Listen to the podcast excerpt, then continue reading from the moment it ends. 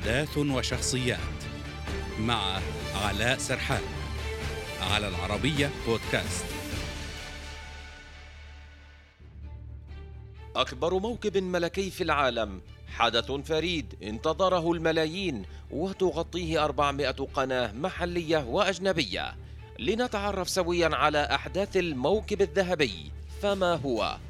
هو موكب المومياوات المصرية ستتحرك خلاله 22 موميا ملكية فرعونية من موقعها في المتحف المصري بميدان التحرير والذي مكثت فيه لأكثر من قرن وستنقل بعربات مزينة على الطراز الفرعوني تحمل أسماءهم تباعا بحسب الترتيب الزمني لحكمها ليدور الموكب حول ميدان التحرير ثم يتجه إلى ميدان سيمون بوليفار ومنه ينطلق بمحاذاة كورنيش النيل متجها إلى متحف الحضارة المصرية بالفسطاط وهو أحد أهم المشروعات التي أنجزت بالتعاون بين الحكومة المصرية ومنظمة اليونسكو ويضم المتحف مقتنيات متنوعة من الحضارة المصرية منذ عصر ما قبل التاريخ إلى وقتنا الحاضر.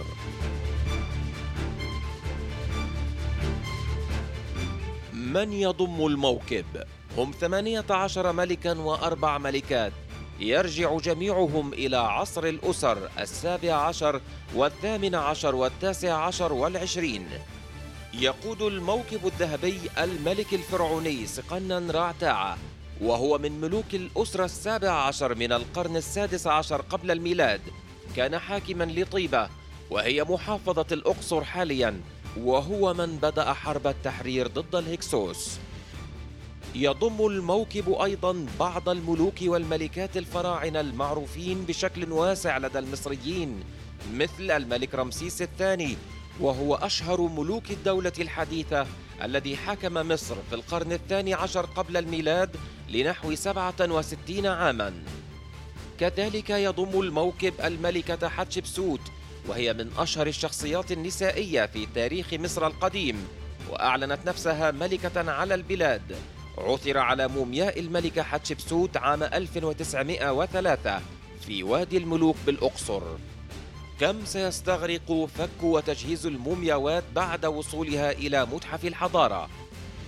ستستغرق هذه العملية 14 يوما حسب وزارة الآثار المصرية. لكي يقوم المرممون بتجهيز المومياوات وستكون جاهزة للعرض في الثامن عشر من أبريل في يوم التراث العالمي.